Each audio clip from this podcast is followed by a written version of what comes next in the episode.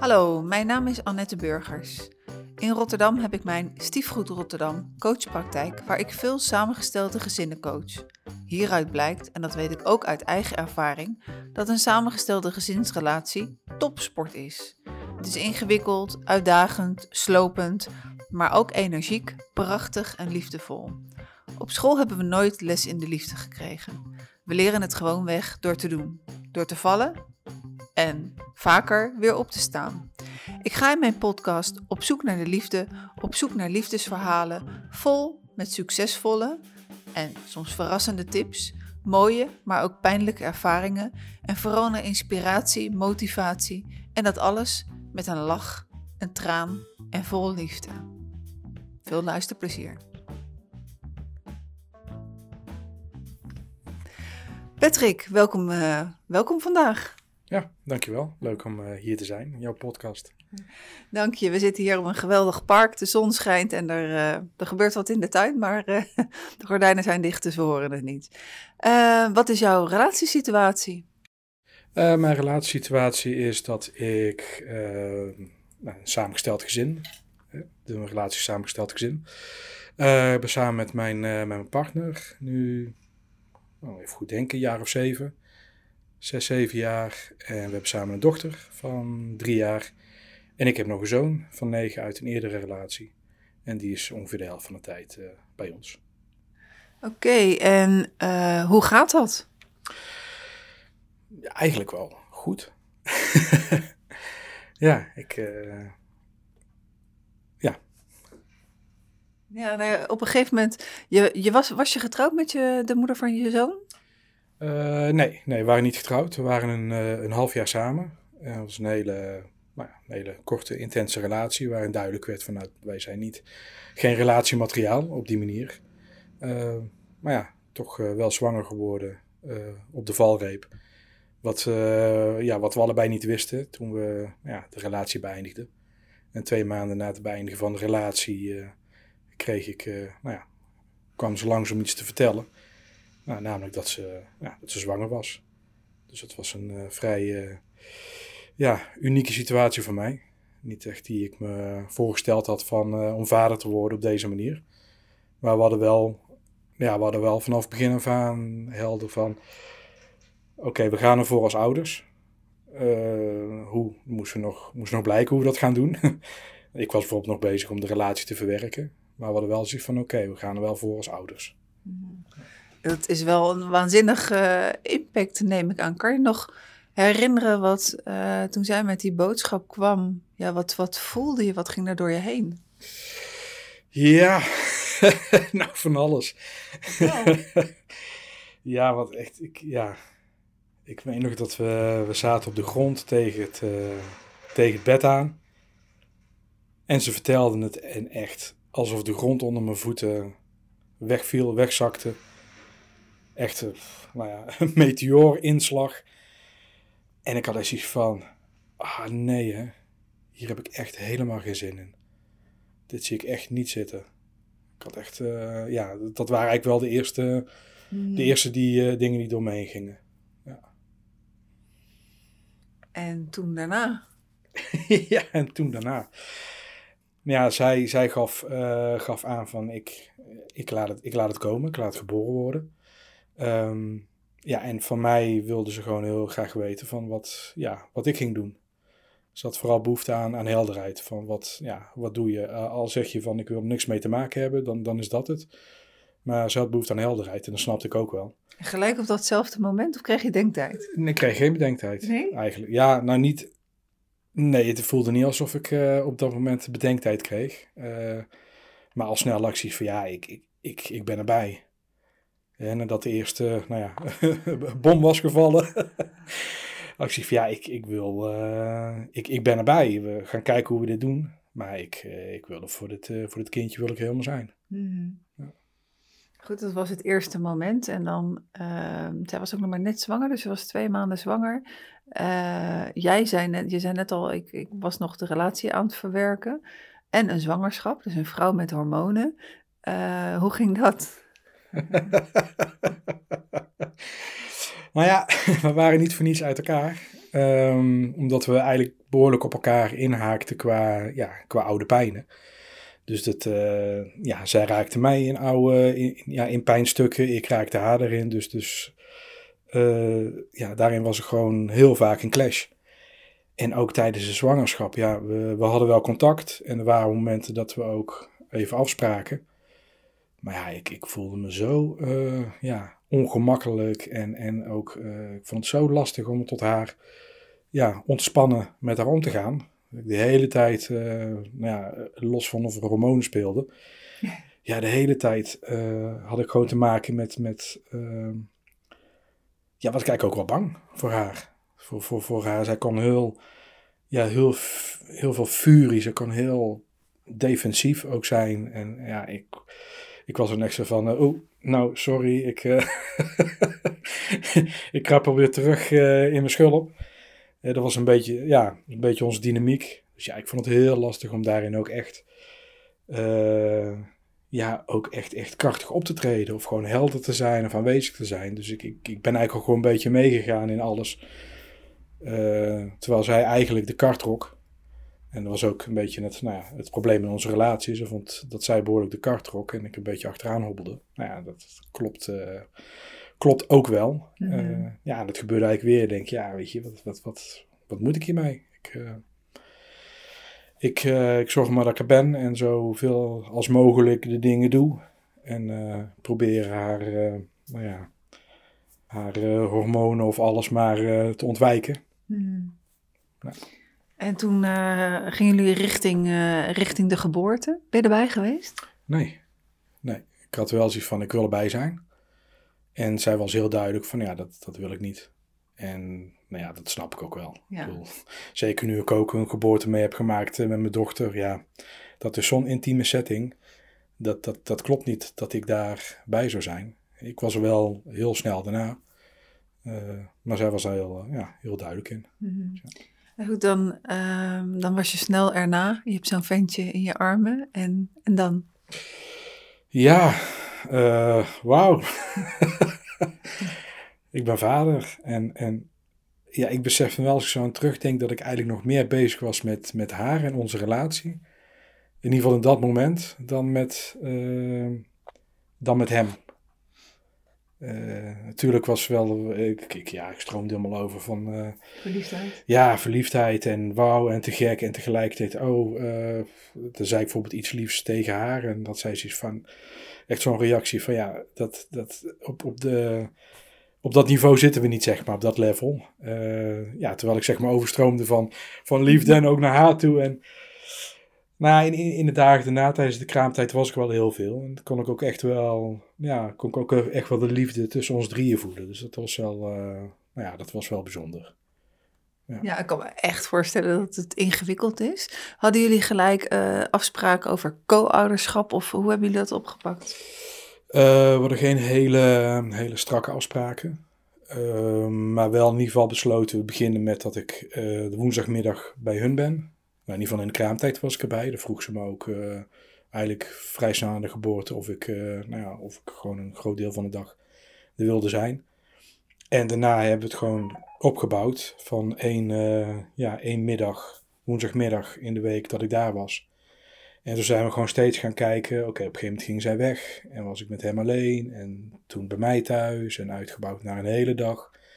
Ik weet niet meer precies in welke tijdspanne dat was, maar ergens in een over de tijd van 1 tot 2 jaar hebben we naartoe gewerkt dat hij ook bij mij uh, kwam slapen. En ja, ik denk 30% van de tijd bij mij was. En zo hebben we het eigenlijk ook steeds gekeken naar wat, wat voor hem klopt, voor onze zoon uh, klopt. En uh, ja, ook, ook hoe wij daarin kunnen, kunnen bewegen. Zonder, uh, ik las ook een tijd terug een artikel over vanuit de wetenschappelijk onderzoek, als het gaat over co-ouderschap, ja, bij welke leeftijd, welk, ja, welke verhouding klopt. Ja, en er stond ook in, ja, in de babytijd toch meer bij de moeder en dat langzaam opbouwen. En wij hebben dat eigenlijk organisch gedaan. En ja, ik, ik kan me ook niet voorstellen als wij, als ik daar was gaan staan, ik wil gewoon 50%. Nou, dat, ja, dat had echt niet gewerkt. Mm -hmm. dat, dat, was, dat zou voor, uh, voor onze zoon ook echt niet, uh, niet goed geweest zijn. Nee, en ehm, hoe lang zat er tussen uh, dat, dat je zoontje geboren is en dat je je huidige partner ontmoet hebt? Er zat ongeveer, um, even, ja, ongeveer twee jaar. En hij hebben elkaar ontmoet als, als vrienden. En zij was uh, op dat moment, uh, had zij een, een nomade bestaan. Ze had er de baan opgezegd en geen huis. kwam, uit een, kwam uit een huwelijk zonder kinderen. Dus was eigenlijk van, nou, los van het huwelijk, los van de baan, los van het huis. Los van iedereen? nou, dat niet per se, want ze ging eigenlijk juist bij vrienden gewoon door het land trekken en op huizen passen van vrienden. En ook gewoon wel heel, ja, heel sociaal, heel sociaal ja, mens, sociale vrouw. En waar zijn jullie elkaar dan tegengekomen? Op een, ja, er was een bijeenkomst met allerlei workshops. En ja, daar hadden we elkaar ontmoet. En het was gewoon, gewoon een leuke klik. Gewoon vriendschappelijk. En bleek dat ze tijdelijk bij mij in de buurt woonde. Uh, dat hadden we afgesproken. En uh, ja, was nog niet meteen iets van, ja, dat er nou een, een ja, achteraf gezien was er wel een vonk. Maar ik was zelf niet toe aan een nieuwe relatie. En zij ook niet. Dus ja, daar hadden we ook helemaal niet op ingezet. Maar hoe gaat dat dan als je als, als vrienden, wat, wat, wat maakt dan ineens dat er een, op een bepaald moment die verandering komt? Wat, welk, kan je dat nog herinneren welk moment dat was en, en wat er dan met je gebeurde? nou, uh, ja, een moment was uh, in een hangmat. Ik had in huis een hangmat hangen, twee persoons hangmat. Maar ja, in die hangmat lagen we en ja, er gebeurde toch iets.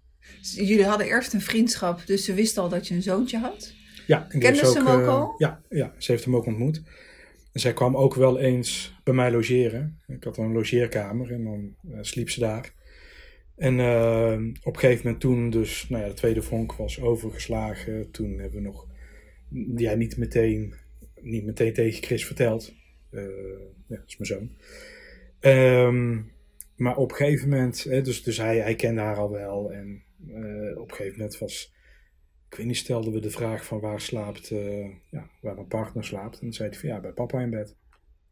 Oh, oké. Okay. Ja, want terwijl ze altijd ging, ging altijd zeg maar wel in de logeerkamer uh, mm. slapen. Maar hij, hij had al lang een smiezen van dit. Ja. en hij was, hij was twee. En ja, we hadden iets van, nou weet je, laten we dit ook gewoon, gewoon organisch door laten lopen. Laten we nou niet zeggen, ja nee, er is niks aan de hand. Nou ja, oké. Okay. Mm. Hij heeft er blijkbaar door en we ja, we bouwen het gewoon langzaam op. Ja, en uh, hoe reageerde je, de moeder van, uh, van je zoontje?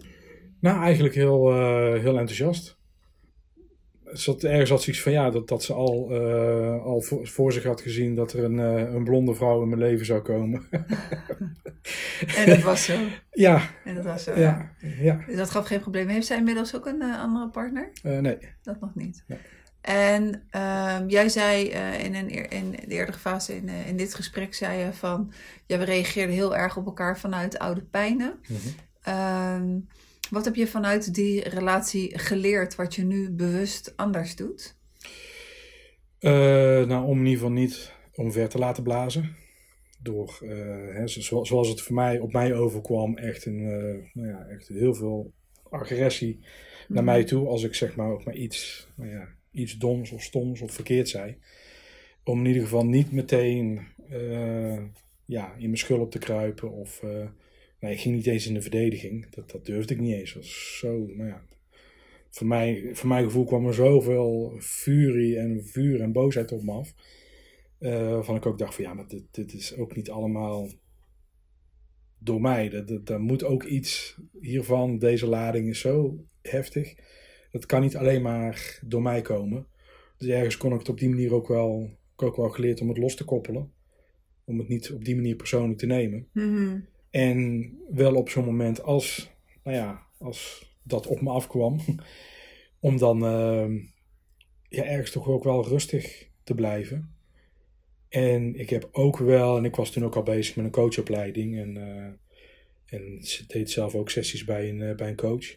Ben ik ook een keer bewust sessies gaan doen nou ja, in, in relatie tot, uh, tot de moeder van mijn zoon. En ja, daar kwam vooral ja, heel veel boosheid van mij naar, naar haar toe. Die ik gewoon geen plek kon geven. Dat slikte ik allemaal in. Dus uh, in één sessie ging echt, nou, echt even goed met die boosheid aan de slag. Dat ik ook even alles kon zeggen wat er gezegd wilde worden. Hmm. Heb je moeten gillen of heb je met stenen moeten, moeten nee, lopen? Tegen een, of, eh? eh, nee, uh, wel, wel, uh, wel hardop zeggen en tegen een matras trappen. En, en dan eigenlijk, het grappige is, ik, ik geef nu dat zelf ook, dit soort sessies. Um, en, en als eerst ga je eigenlijk gewoon helemaal van, ja, wat vind je van de ander? Dus ja, ik vind je dit, ik vind je dat. En ook echt nou ja, op de man, komen. op de vrouw ja. gericht. Ik vind dit, ik vind dat. En dan, en dan komt er een tweede ja, een tweede deel. En dat is, ja, ik wil niet meer dat je dit en dit en dit en dan nog alles zo, zo rauw en bazaal als mogelijk uh, zeggen. En dan op een gegeven moment van, ik wil dat je zus en zo. En dan komt een laatste stukje, ja, waar het mij om gaat. En dan in één keer, dan gebeurt er ook iets. Dan ja, gaat, ja, ging bij mij mijn hart open. En ja, waar het mij om gaat, is dat we, ja, dat we liefdevol en respectvol met elkaar om kunnen gaan. En uh, ja, dat, dat ik ook uh, dat ik gezien word, maar mezelf ook laat zien. Mm-hmm. En dat was wel, nou ja, in, in die relatie, uh, ja, wat ik daaruit gehaald heb. Ja, snap ik. Ik ga even checken, dan komt de volgende vraag. Gaat helemaal goed. Oké, beelden weer. Top. Um, en je gaf aan van dat had ook met oude pijn te maken. Uh, wat, wat, ja, op welke manier komt dat terug vanuit je jeugd? Ja, ik, uh, ik dacht altijd uh, dat komt, uh, dat is de relatie met mijn moeder. Ik, hè, dat is als je relatie als met, met je partner, met een vrouw iets niet goed loopt, dat het heeft ergens een grondslag bij je relatie met, met je moeder. Maar eigenlijk was het mij juist de relatie met mijn vader. Dat ik, dat ik daarin, dat, dat, dat waarin, ik, waarin ik me bij hem niet gezien voelde en de hele tijd het idee had dat hij de deur op slot houdt of nou ja, mij niet goed genoeg vond. Uh, en ik me ook gewoon ja, uh, eigenlijk zo waardeloos voelde tegenover hem. Ja, dat werd eigenlijk allemaal opnieuw naar boven gehaald. Door, nou ja, in, in de relatie met, uh, met mijn ex. Mm. Ja. Dat werd getriggerd. En, ja. en hoe gaat dat nu? Eigenlijk wel goed. En, en er zijn er momenten, dat was laatst ook even een momentje dat ik dacht van, oh ja, dit is er zo eentje. Toen hadden wat was het? Ja, we zijn. Uh, ja, mijn zoon die wil heel graag. Uh, op, op, op zijn school kan hij een, een gamecertificaat krijgen, zodat hij uh, ook op school mag ga gamen. En ehm, dat is een bijzondere school, een democratische school. Daar, ja, klinkt goed. Ja, dat, maar ja, we willen hem niet zeg maar dat hij de hele dag kan gamen. Dus hij moet ook gewoon lessen volgen. Maar hij wil dat heel graag. dus ja, we zijn daarover in gesprek. En op een gegeven moment zei ik ook iets van, uh, van ja, als je nou, uh, stel we zouden het geven en jij zou bijvoorbeeld uh, nog een extra les van een ander vak gaan volgen. een beetje van als jij dit doet, dan, dan krijg je het. En dat is, dat is niet per se ook mijn filosofie, van, ook niet waarom we deze school gekozen hebben, want daar is het idee juist van dat het iets willen leren komt vanuit een intrinsieke motivatie en dan wordt, het, wordt er gewoon op, op aangesloten. Um, en ik heb ook geen idee waarom ik, waarom ik dat zei. Maar toch, ik moest, ik moest het even zeggen. En toen was meteen dat, dat uh, mijn ex was van... Uh, ja, hallo, dat gaan we, dat gaan we niet doen, doen. Daarom heb ik ook niet voor deze school gekozen. Want het was met zo'n... Maar ja, pittigheid dat ik weer even had van... Oh ja, oké. Okay. Dus ik zei ze van ja, joh, sorry, maar ik... Uh, oké, okay, ik moest blijkbaar even zeggen. Maar in andere, andere momenten zou ik echt, uh, nou ja, dan zou ik echt helemaal uh, weggekropen zijn. En nu kon ik er wel gewoon bij blijven. Van, oh ja, dat was inderdaad, dat is ook eerlijk gezegd niet hoe ik, uh, hoe ik erin sta. Mm -hmm. Dus, nou ja, sorry dat er zo, ja, zo lullig uitkomt. Ja. ja. Hey, en, en daar, je bent op een gegeven moment ben je met vadervisie begonnen. wat houdt dat in? nou, ik ben vadercoach. Dus daar zijn er niet veel van, in ieder geval niet officieel. Op LinkedIn twee of drie of zo, eh, als ik kijk bij de, bij de titels, bij de functies. Um, het houdt in dat ik vaders, alle soorten vaders, dus uh, hoeft niet per se gescheiden te zijn, begeleid uh, als coach in, in dingen waar ze tegenaan lopen. En ik, ik zeg ook vaak, eigenlijk ben ik een relatiecoach. Want ja, in de relaties gebeuren de dingen daar, daar kom je als vader in de relatie met je kinderen, met je partner, of ex-partner of met je eigen ouders, dan kom je gewoon de dingen tegen waar je op een gegeven moment in vast kan lopen. Nou ja, goed, en daar kijk ik dan mee van wat er nodig is om, uh, nou, om weer zo ontspannen en relaxed en leuk en krachtig mogelijk uh, als vader in het vaderschap te staan. Mm. Nou ben ik geen wetenschappelijke journalist, dus het is gewoon een natte vingervraag. Maar wat is nou de meest voorkomende vraag over, over, van vaders die naar je toe komen?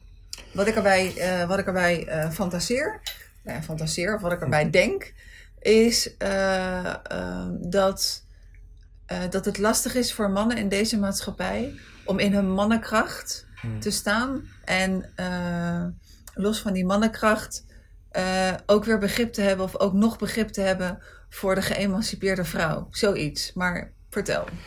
Uh, nou, dus niet dat op die manier een, een vader naar me toe komt van hé, hey, ik heb last van mijn geëmancipeerde vrouw.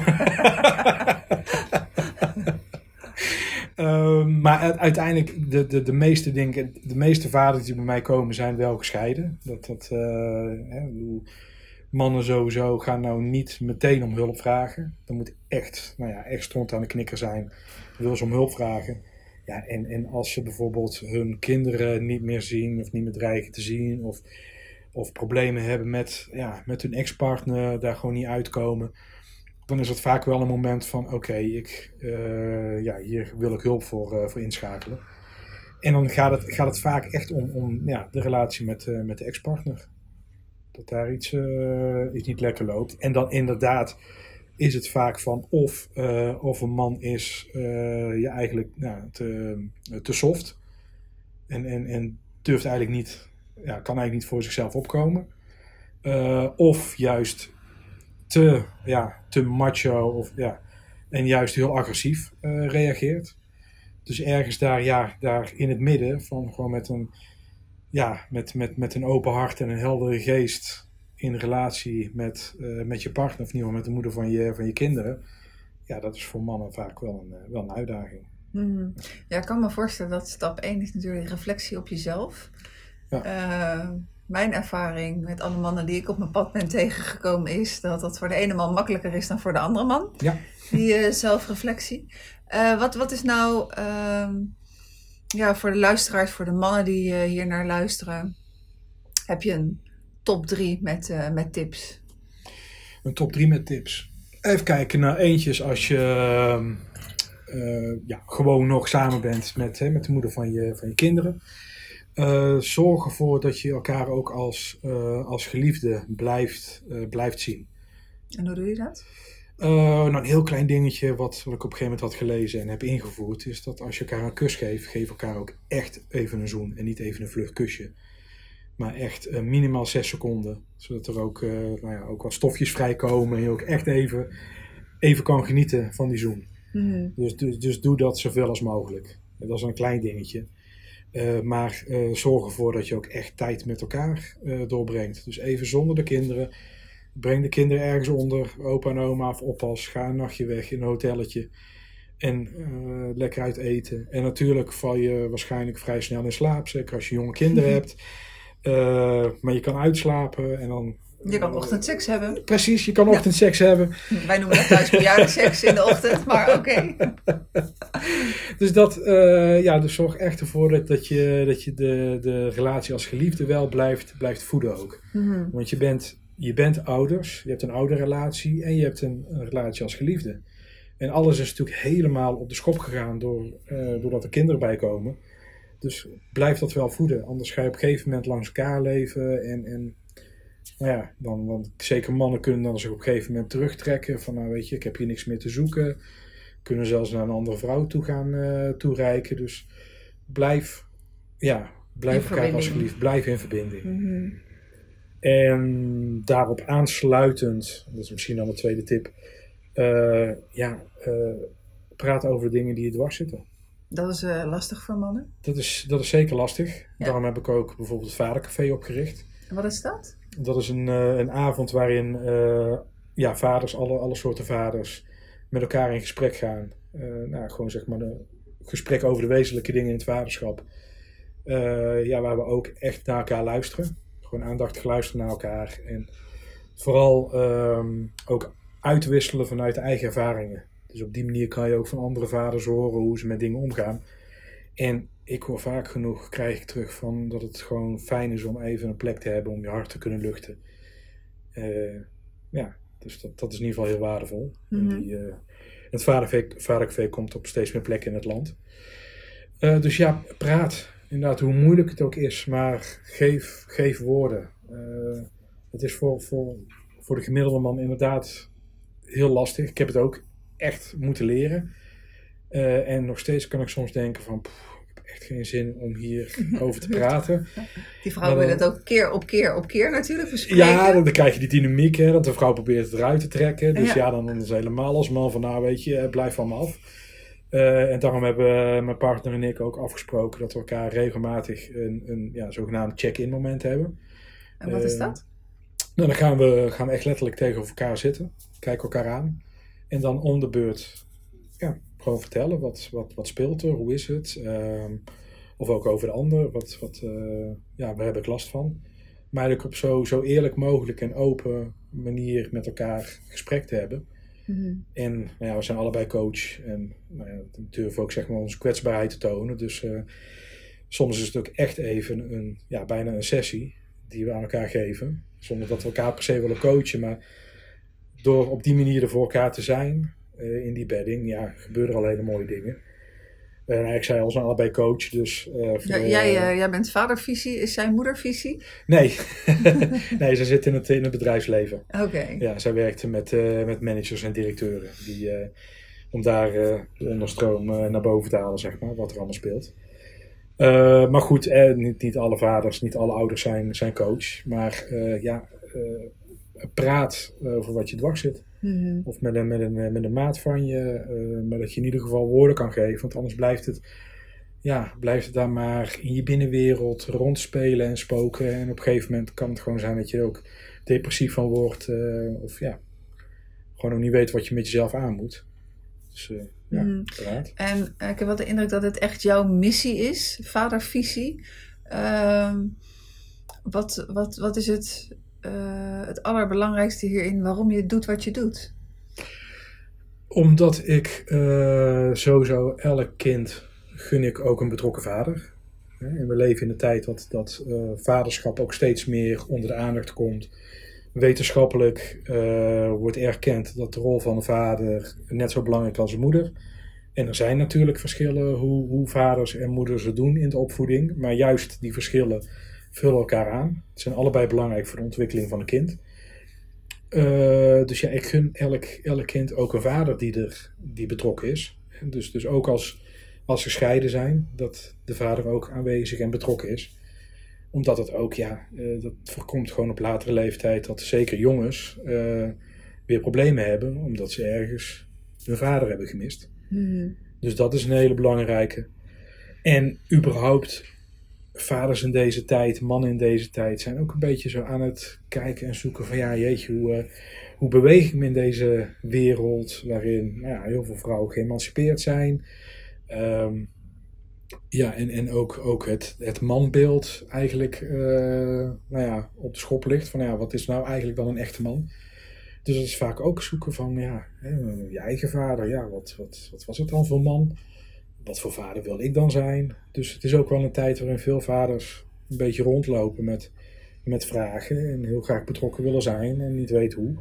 Dus ook om daarin ja, echt, ze, ze te ondersteunen, te begeleiden om uh, nou, ja, wel die uh, betrokken vader uit zichzelf uh, nou die tevoorschijn te laten komen. Mm. Als uh, over, nou, ik denk die, je kinderen zijn nu zeven en, en drie. negen en, oh, negen en drie.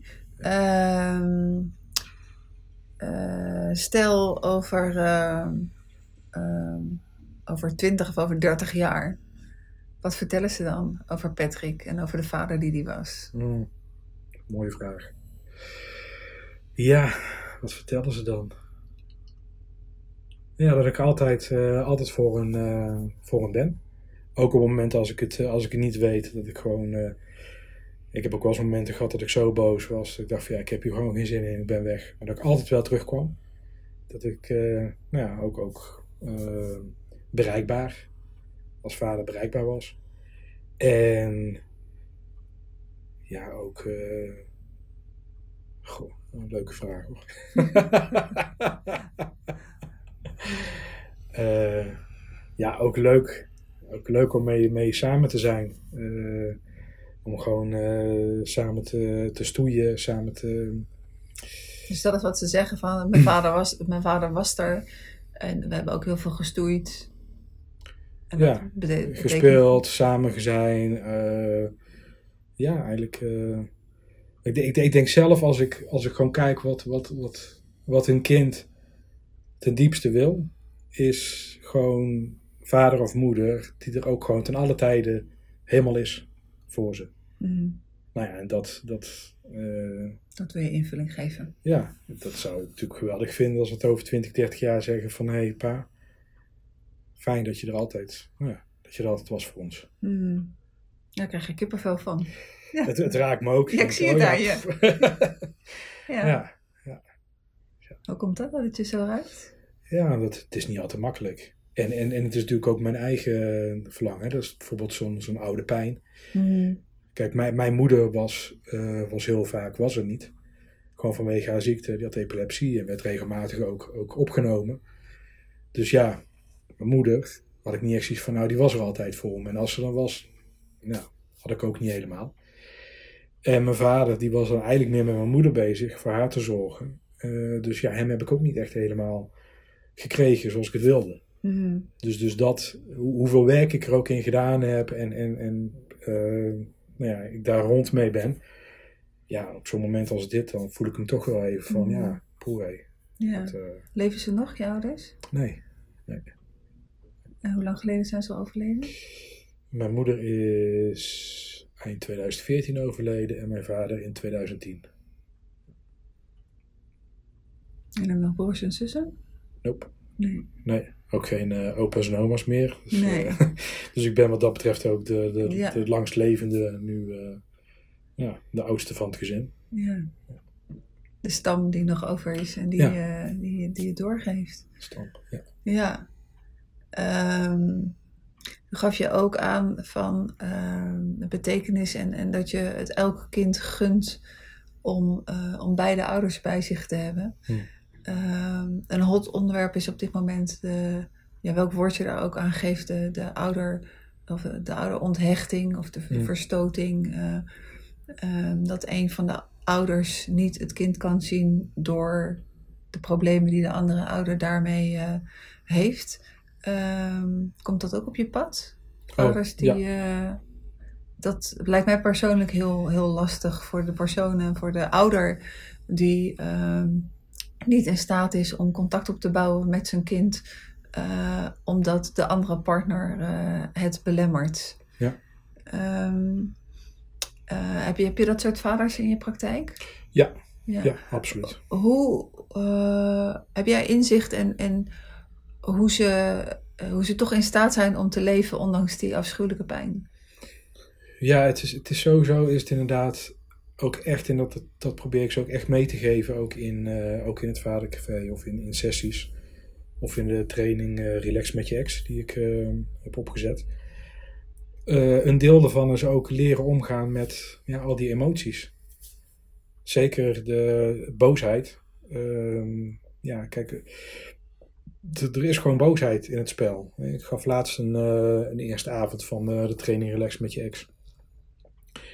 En iemand, ja, het, het- daar al heel snel had ik over van, ja, hoe, hoe voelt dit? Welk, welk gevoel eh, is hier?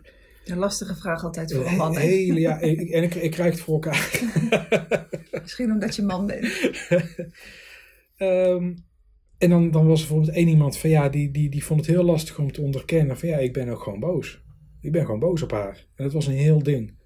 En, en het is ook voor mannen een heel ding. Van, ja, want boosheid wordt, hè, dat wordt ook vaak gekoppeld aan, aan agressie hè, natuurlijk. En ja, eh, iemand die boos is kan agressief worden. En zeker mannen en agressie en boosheid. Nee, het is een heel ding. Dus heel veel mannen hebben zoiets van, ja, boos is gewoon niet oké. Maar ik heb zoiets van, ja, boos is gewoon een onderdeel van je. Er, Mhm. er is gewoon iets, daarin word je geraakt, dat maakt je boos. Hè, er wordt iets met voeten, voeten getreden. Dit is gewoon niet hoe jij het wil. Eh, dus, dus geef op zijn minst die boosheid de ruimte, geef de plek. En niet naar de ander toe, meteen. Hè, maar Nee. geef, geef, Ja. geef, het, geef het ruimte dat dat, dat in ieder geval eh, plek krijgt. En het mooie is, kijk, boosheid is ook, is ook echt een krachtbron. En op het moment dat je eigenlijk die, die boosheid eh, in beheer hebt, dus niet probeert te beheersen, maar in beheer hebt, dat je, mee, nou ja, dat je iets mee kan doen, dat, dat is zo krachtig. Dat kan ook pijn en verdriet dragen. Dan is het bijna een soort van, van bedding voor pijn en verdriet. Als je die, nou ja, die boosheid, die kracht ervan eh, ja, in beheer hebt. Mhm. Mooi, mooi, mooi verwoord. Eh, vader en visie, hoe ziet dat daar over tien jaar uit? Eh, over tien jaar zijn er overal in het land vadercafés. En die worden ook door andere vaders begeleid. En die begeleid ik dan weer middels intervisie en supervisie. Dus zo is een heel netwerk aan vadercafés in Nederland. Ehm, betekent training- dat dat je een vader en visie opleiding hebt waarbij je ehm, vaders opleidt al? Eh, ja.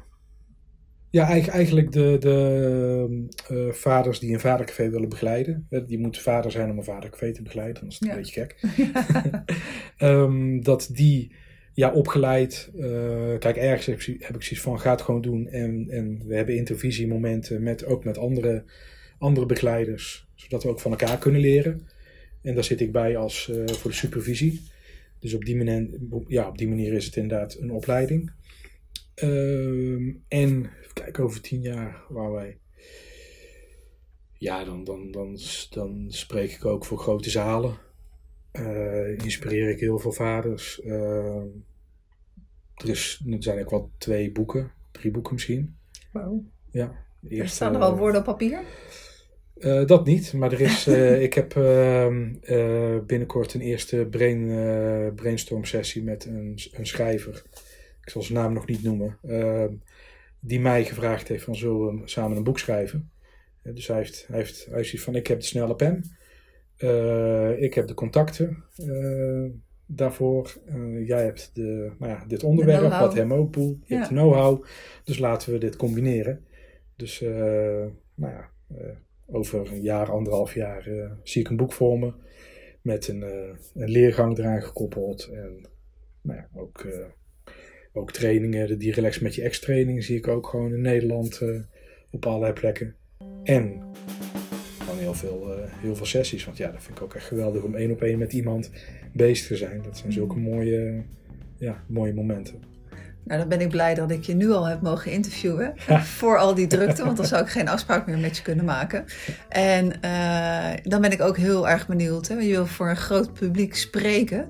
We zitten hier natuurlijk nu op dit moment maar met z'n tweeën. Ja, Maar eh, nou, over een half jaar weten we in ieder geval hoeveel mensen er naar deze podcast geluisterd hebben. Ja. Dat is ook interessant. We gaan kijken leuk. hoeveel dat er zijn. Patrick, wil je van harte bedanken voor dit interview. Ja graag gedaan. Hartstikke bedankt. En eh, voor de luisteraar, over twee weken is de volgende.